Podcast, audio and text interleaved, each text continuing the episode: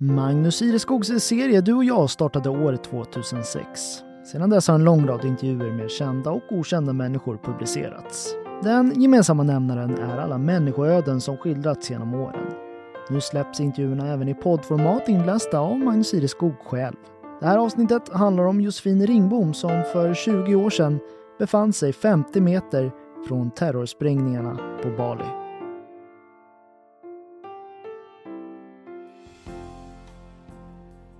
Josefin Ringbom befann sig 50 meter från epicentrum av terrordådet på Bali, det som dödade över 200 personer. Den där händelsen har gjort mig mer ödmjuk, säger hon 20 år senare. Sent på lördagskvällen den 12 oktober 2002 utlöste en självmordsbombare sin sprängladdning på Paddys bar i Kuta Beach på Bali. Den kraftiga explosionen gjorde att de besökare som inte dödats eller skadats skräckslagna flydde ut på gatan, ner mot närliggande Sari klubb.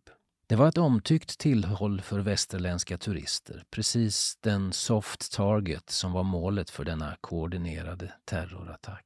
För där exploderade några minuter senare en parkerad bil lastad med omkring ett ton sprängmedel, vilket fick en förödande effekt. Totalt i dessa båda attacker miste 202 människor livet, de allra flesta västerländska turister, sex av dem svenskar. Över 300 skadades. Gotländskan Josefin Ringbom befann sig vid tillfället i samma kvarter, bara 50 meter från Sari klubb, men klarade sig mirakulöst nog utan fysiska skador. Det mentala har däremot tagit tid att läka. Ja, kroppen har händelsen med sig. Ibland kan jag utan egentlig anledning känna den där tryckvågen. Jag är skeptisk till stora folksamlingar, säger hon, och står en lastbil parkerad, om det så är här, i vår egen lilla sagostad, så tänker jag ett varv extra. Undrar vad de har i lasten. Det var en drömresa hon gav sig ut på, den då 22-åriga Josefin. Hon och hennes dåvarande pojkvän ville ut i världen, bort från det som var hemma och vant. Hon jobbade på JC i Visby och de bestämde sig för att sälja allt de ägde för att ha råd med ett halvår på drift. Kanske skulle de till Java, kanske Australien, men definitivt till indonesiska ön Bali. Barndomen var över, friheten utan ansvar. Hon beskriver uppväxten i Hamra så. Den var också passerad. Någonstans där framme väntade vuxenvärlden men ännu fanns tid för en sökare utan självklara mål att hitta en framtid att tro på. När vi träffas för den här intervjun har Josefin ledig dag från jobbet som personlig assistent. Det är fortfarande några dagar kvar till den 12 oktober, 20-årsdagen för terrorattentatet i Kuta Beach. Semesterpärlan med sin sex kilometer långa strand, rullande vågor och mäktiga solnedgångar i Indiska oceanen. Hon säger att hon för första gången på alla dessa år faktiskt inte räknat ner till det här datumet. Som att det håller på att blekna i minnet nästan, men ändå inte. Att vara med om vilket trauma det än är, det formar en som person, säger hon. Jag har det alltid med mig, även om jag inte går och tänker på det varje dag. Men jag drömmer fortfarande om explosioner och på ett sätt är man ganska ensam i en sån här händelse.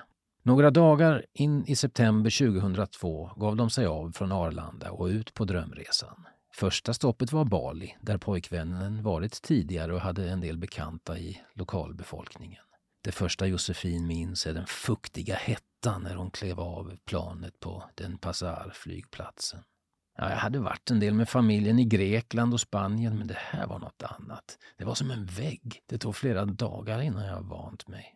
De hittade ett litet hotell i Kota Beach och kom snabbt in i en trivsam vardag tillsammans med pojkvännens bekanta. Livet blev precis som Josefin hoppats och önskat. Stranden på dagarna, sen någon bar på kvällen, samma sak varje dag bekymmerslöst häng bara. Du vet, man tar dagen som den kommer. Det finns inga måsten och alla är glada. Den kväll som skulle ändra livet för så många människor gick de som vanligt till en bar som hette Blues. Ett hål i väggen bara, på en tvärgata till huvudgatan Rajalegian längs vilken Paddys bar och Sari Club var belägna. De hade blivit stammisar på Blues, god vän med ägaren Jim. Det var där de brukade börja sina kvällar. Ja, just den här dagen, minns Josefin. Den här dagen var vi lite matta i lacken. Vi tänkte ta en öl bara och sen gå hem tidigt. I vanliga fall gick vi ganska ofta till något av de två ställen som sprängdes. Men nu satt de där i godan ro i en soffa och Josefin minns att hon reagerade på en smäll på andra sidan huset och att det sen regnade ner något över henne. Glas kanske? Var det någon som hade fest?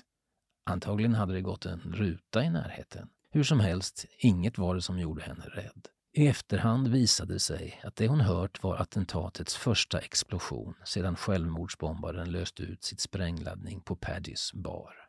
Ett år tidigare hade tre passagerarplan kapats i USA. Två av dem flög in i World Trade Centers tvillingtorn på Manhattan i New York. Ett annat kraschlandade i Washington DC utan att nå sitt mål, försvarshögkvarteret Pentagon. Sammanlagt dog omkring 3 000 personer i terrororganisationen al-Qaidas attack mot väst och världen fick ett nytt datum att förhålla sig till, 11 september 2001. USA förklarade omedelbart krig mot terrorn där Sydostasien utkristalliserat sig som en samlingsplats för islamistiska terrorister. Bland dem fanns terrorgruppen Jema Islamia kopplad till al-Qaida, vars mål var en islamistisk stat och vars medel var att straffa väst med attacker mot just soft targets, mjuka mål som exempelvis turistdestinationer.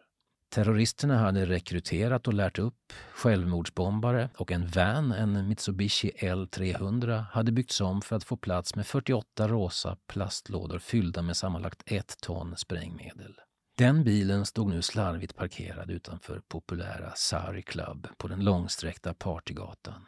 Samtidigt kom uppjagande människor flyende i panik efter sprängningen på Paddys bar för att försöka sätta sig i säkerhet. Då, precis då, utlöstes sprängladdningen i skåpbilen i det som blev den största terrorattacken sedan 9-11. Den smällen hördes desto mer hos Josefin, där hon satt i sin soffa på Tvärgatan bara 50 meter därifrån. Eller kanske inte. Kanske hörde hon faktiskt inte explosionen. Hon minns inte riktigt. Mycket har blurrat samman. Nej, jag kan faktiskt inte komma ihåg att jag hörde någon smäll, men jag minns tryckvågen och att allt blev strömlöst, säger hon. Hon fann sig sedan liggande på golvet medan människor flydde in i den lilla baren för att söka skydd. Tillsammans med tre andra tryckte hon in sig på toaletten. Den hade murade väggar och var hyggligt säker. När de så småningom vågade sig ut, oklart efter hur lång tid, minns Josefin en strömlös stad med ett rödorange dimmigt ljussken över himlen. Jag minns att vi undrade, vad fan är det här? Vad har hänt? Min första tanke var en gasexplosion eller något. Inte hade jag en tanke på terrorism. Ganska naivt kan jag tänka idag med tanke på vad som hänt året före, som hon säger. De tog sig ner mot stranden.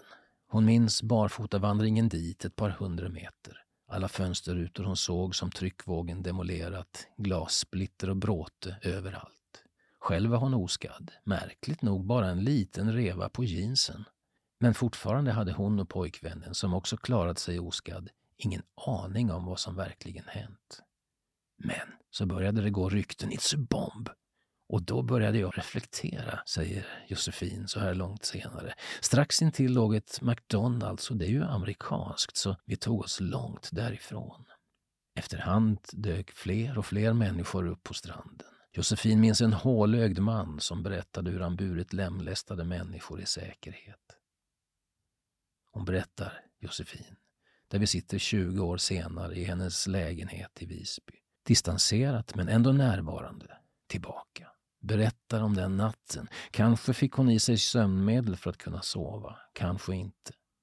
Hon berättar om instinkten att fly som var så stark inom henne. Bort, bara bort. Känslan av overklighet. Trots att hon då ännu inte riktigt insett vidden av vad som verkligen skett. Det fick hon klart för sig dagen därpå. Vi gick tillbaka till Jim. Han mådde okej, okay, men var också i chock. Hans bar hade ett hål i taket som jag uppenbarligen klarat mig från att få över mig och han berättade att han hittat kroppsdelar på bardisken. Men hon besökte aldrig huvudgatan, Josefin. Nej, säger hon. Flyktinstinkten hade på något sätt förbytts i att försöka hantera verkligheten men till den platsen ville jag verkligen inte gå. Istället följde hon nyheterna på tv.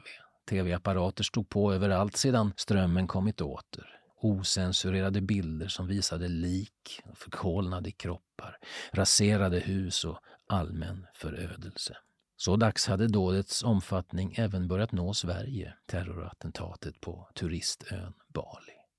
Tidningarna visade bilder från sjukhus där brännskadade och bandagerade människor låg på sina britsar. Josefin ringde inte hem. Jag vågade inte, säger hon. Då hade jag tappat all självbevarelsedrift och bara givit upp. Pojkvännen ringde däremot sin familj och ett tag rådde osäkerhet i Sverige om huruvida även Josefin var vid liv eller inte. Det reflekterar hon över idag. Det trauma som händelsen måste inneburit för hennes anhöriga. Att tvingas sväva i ovisshet medan hennes namn fanns på UDs saknar-lista. Däremot fick broder Jakob efter någon dag fylld av oro klarhet via mejl att systern faktiskt var vid liv. Dessutom oskadd. Josefin plockar under intervjun fram en kartong med biljetter, kvitton och brev som hon sparat. Små minnen från resan som inte blev som hon tänkt sig. Fem veckor på Bali, det var allt. Jeansen, de med revan i, sparade hon länge, men nu är de slängda. Här, säger hon, här är ett julkort från Jakob som jag fick innan jag åkte. För första gången skulle vi inte fira jul ihop. Jag fick också ett brev av mamma och pappa. Open in case of emergency hade de skrivit. Det visade sig vara en 500 dollarsedel som jag hade nytta av. Men tänk, säger hon. Tänk vilken smärta och oro att sitta hemma utan att veta. Efter terrorattacken avbröt de sin resa, lyckades efter två dagar och minimal hjälp av UD boka ett flyg till Bangkok och därifrån till Stockholm, Arlanda. Hon minns rädslan som låg som en ständig ton inom henne, minns Bangkok och dess många muslimer som gjorde att hon kände sig som en ofrivillig rasist. Hemskt, säger hon så här i efterhand, att vara rädd för ett helt folk. Men just då var jag skräckslagen för det allra mesta.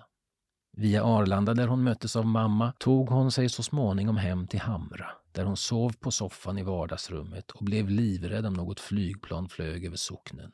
Men det är också det enda hon riktigt minns. Ja, jag har en minneslucka på fyra, fem månader sedan jag kom hem. Det var som att jag stängde av. Det är helt blankt. Men hon insåg också att så där ska hon inte må. Hon gick med i Röda Korset för att jobba med asylsökande och började också läsa religion på komvux för att frigöra sig från sin projicerade rädsla. Jag läste så mycket jag kunde. Jag var ju tvungen att utbilda mig. Jag kunde inte gå och vara rädd för en religion. Att ha upplevt det hon upplevde på Kuta Beach har givit henne en djupare förståelse för människor som tvingas leva i krig, leva med rädslan att deras hus när som helst ska bombas. Det har helt enkelt vidgat hennes perspektiv. Men det har tagit sin tid att landa hel efter att rent faktiskt ha varit en hårsmån från döden. Ja, jag har inte varit helt förtjust i att resa sedan dess och ett tag gömde jag mig om strömmen gick och fyrverkerier undviker jag gärna.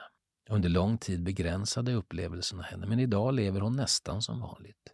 Förutom att kroppen reagerar starkt vid plötsliga och höga ljud och att något händer i henne när hon hör och läser om andra attentat runt om i världen. Har du haft önskan att återvända till Bali då? Nej, jag har inte behov av det i läkeprocessen och jag tror det skulle vara jobbigt. Ibland har jag haft dåligt samvete för att jag kunde resa därifrån medan våra lokala vänner blev kvar i all förödelse. Idag har Josefin dock kontakt med en av dem via Facebook. Han har familj och lever gott i Kuta Beach. Tillbaka på platsen har hon däremot varit via internet, sett minnesmärket över dödsoffren. I perioder har hon närmast maniskt googlat för att få veta så mycket som möjligt om vad som inträffade och vad som låg bakom attentatet. Men ändå, Josefin, att otroligt att klara sig med bara en reva i jeansen. Ja, jag har nästan varit lite förbannad ibland. Hur, hur kan man må så dåligt som jag har gjort och bara ha fått trasiga byxor? Jag kunde väl haft lite brännskada åtminstone, säger hon. Säger också att det finns ett så tydligt före och efter i livet. Före och efter Kuta Beach. Hon har blivit en trevligare person, tycker hon. Det är så hon säger det. Det där behövde jag, om man nu kan säga så. Jag behövde bli varse världen. Att vara i Kuta Beach den dagen gjorde mig definitivt mer ödmjuk till livet och omgivningen. I efterföljande rättegång dömdes tre terrorister till döden. En dömdes till livstidsfängelse. Även 2005 drabbades Kuta Beach av ett terrordåd, vilket då tog 22 personers liv. Ja, gillar du också Magnus Ireskogs intervjuserie Du och jag så finner du fler avsnitt på helagotland.se under poddar och program.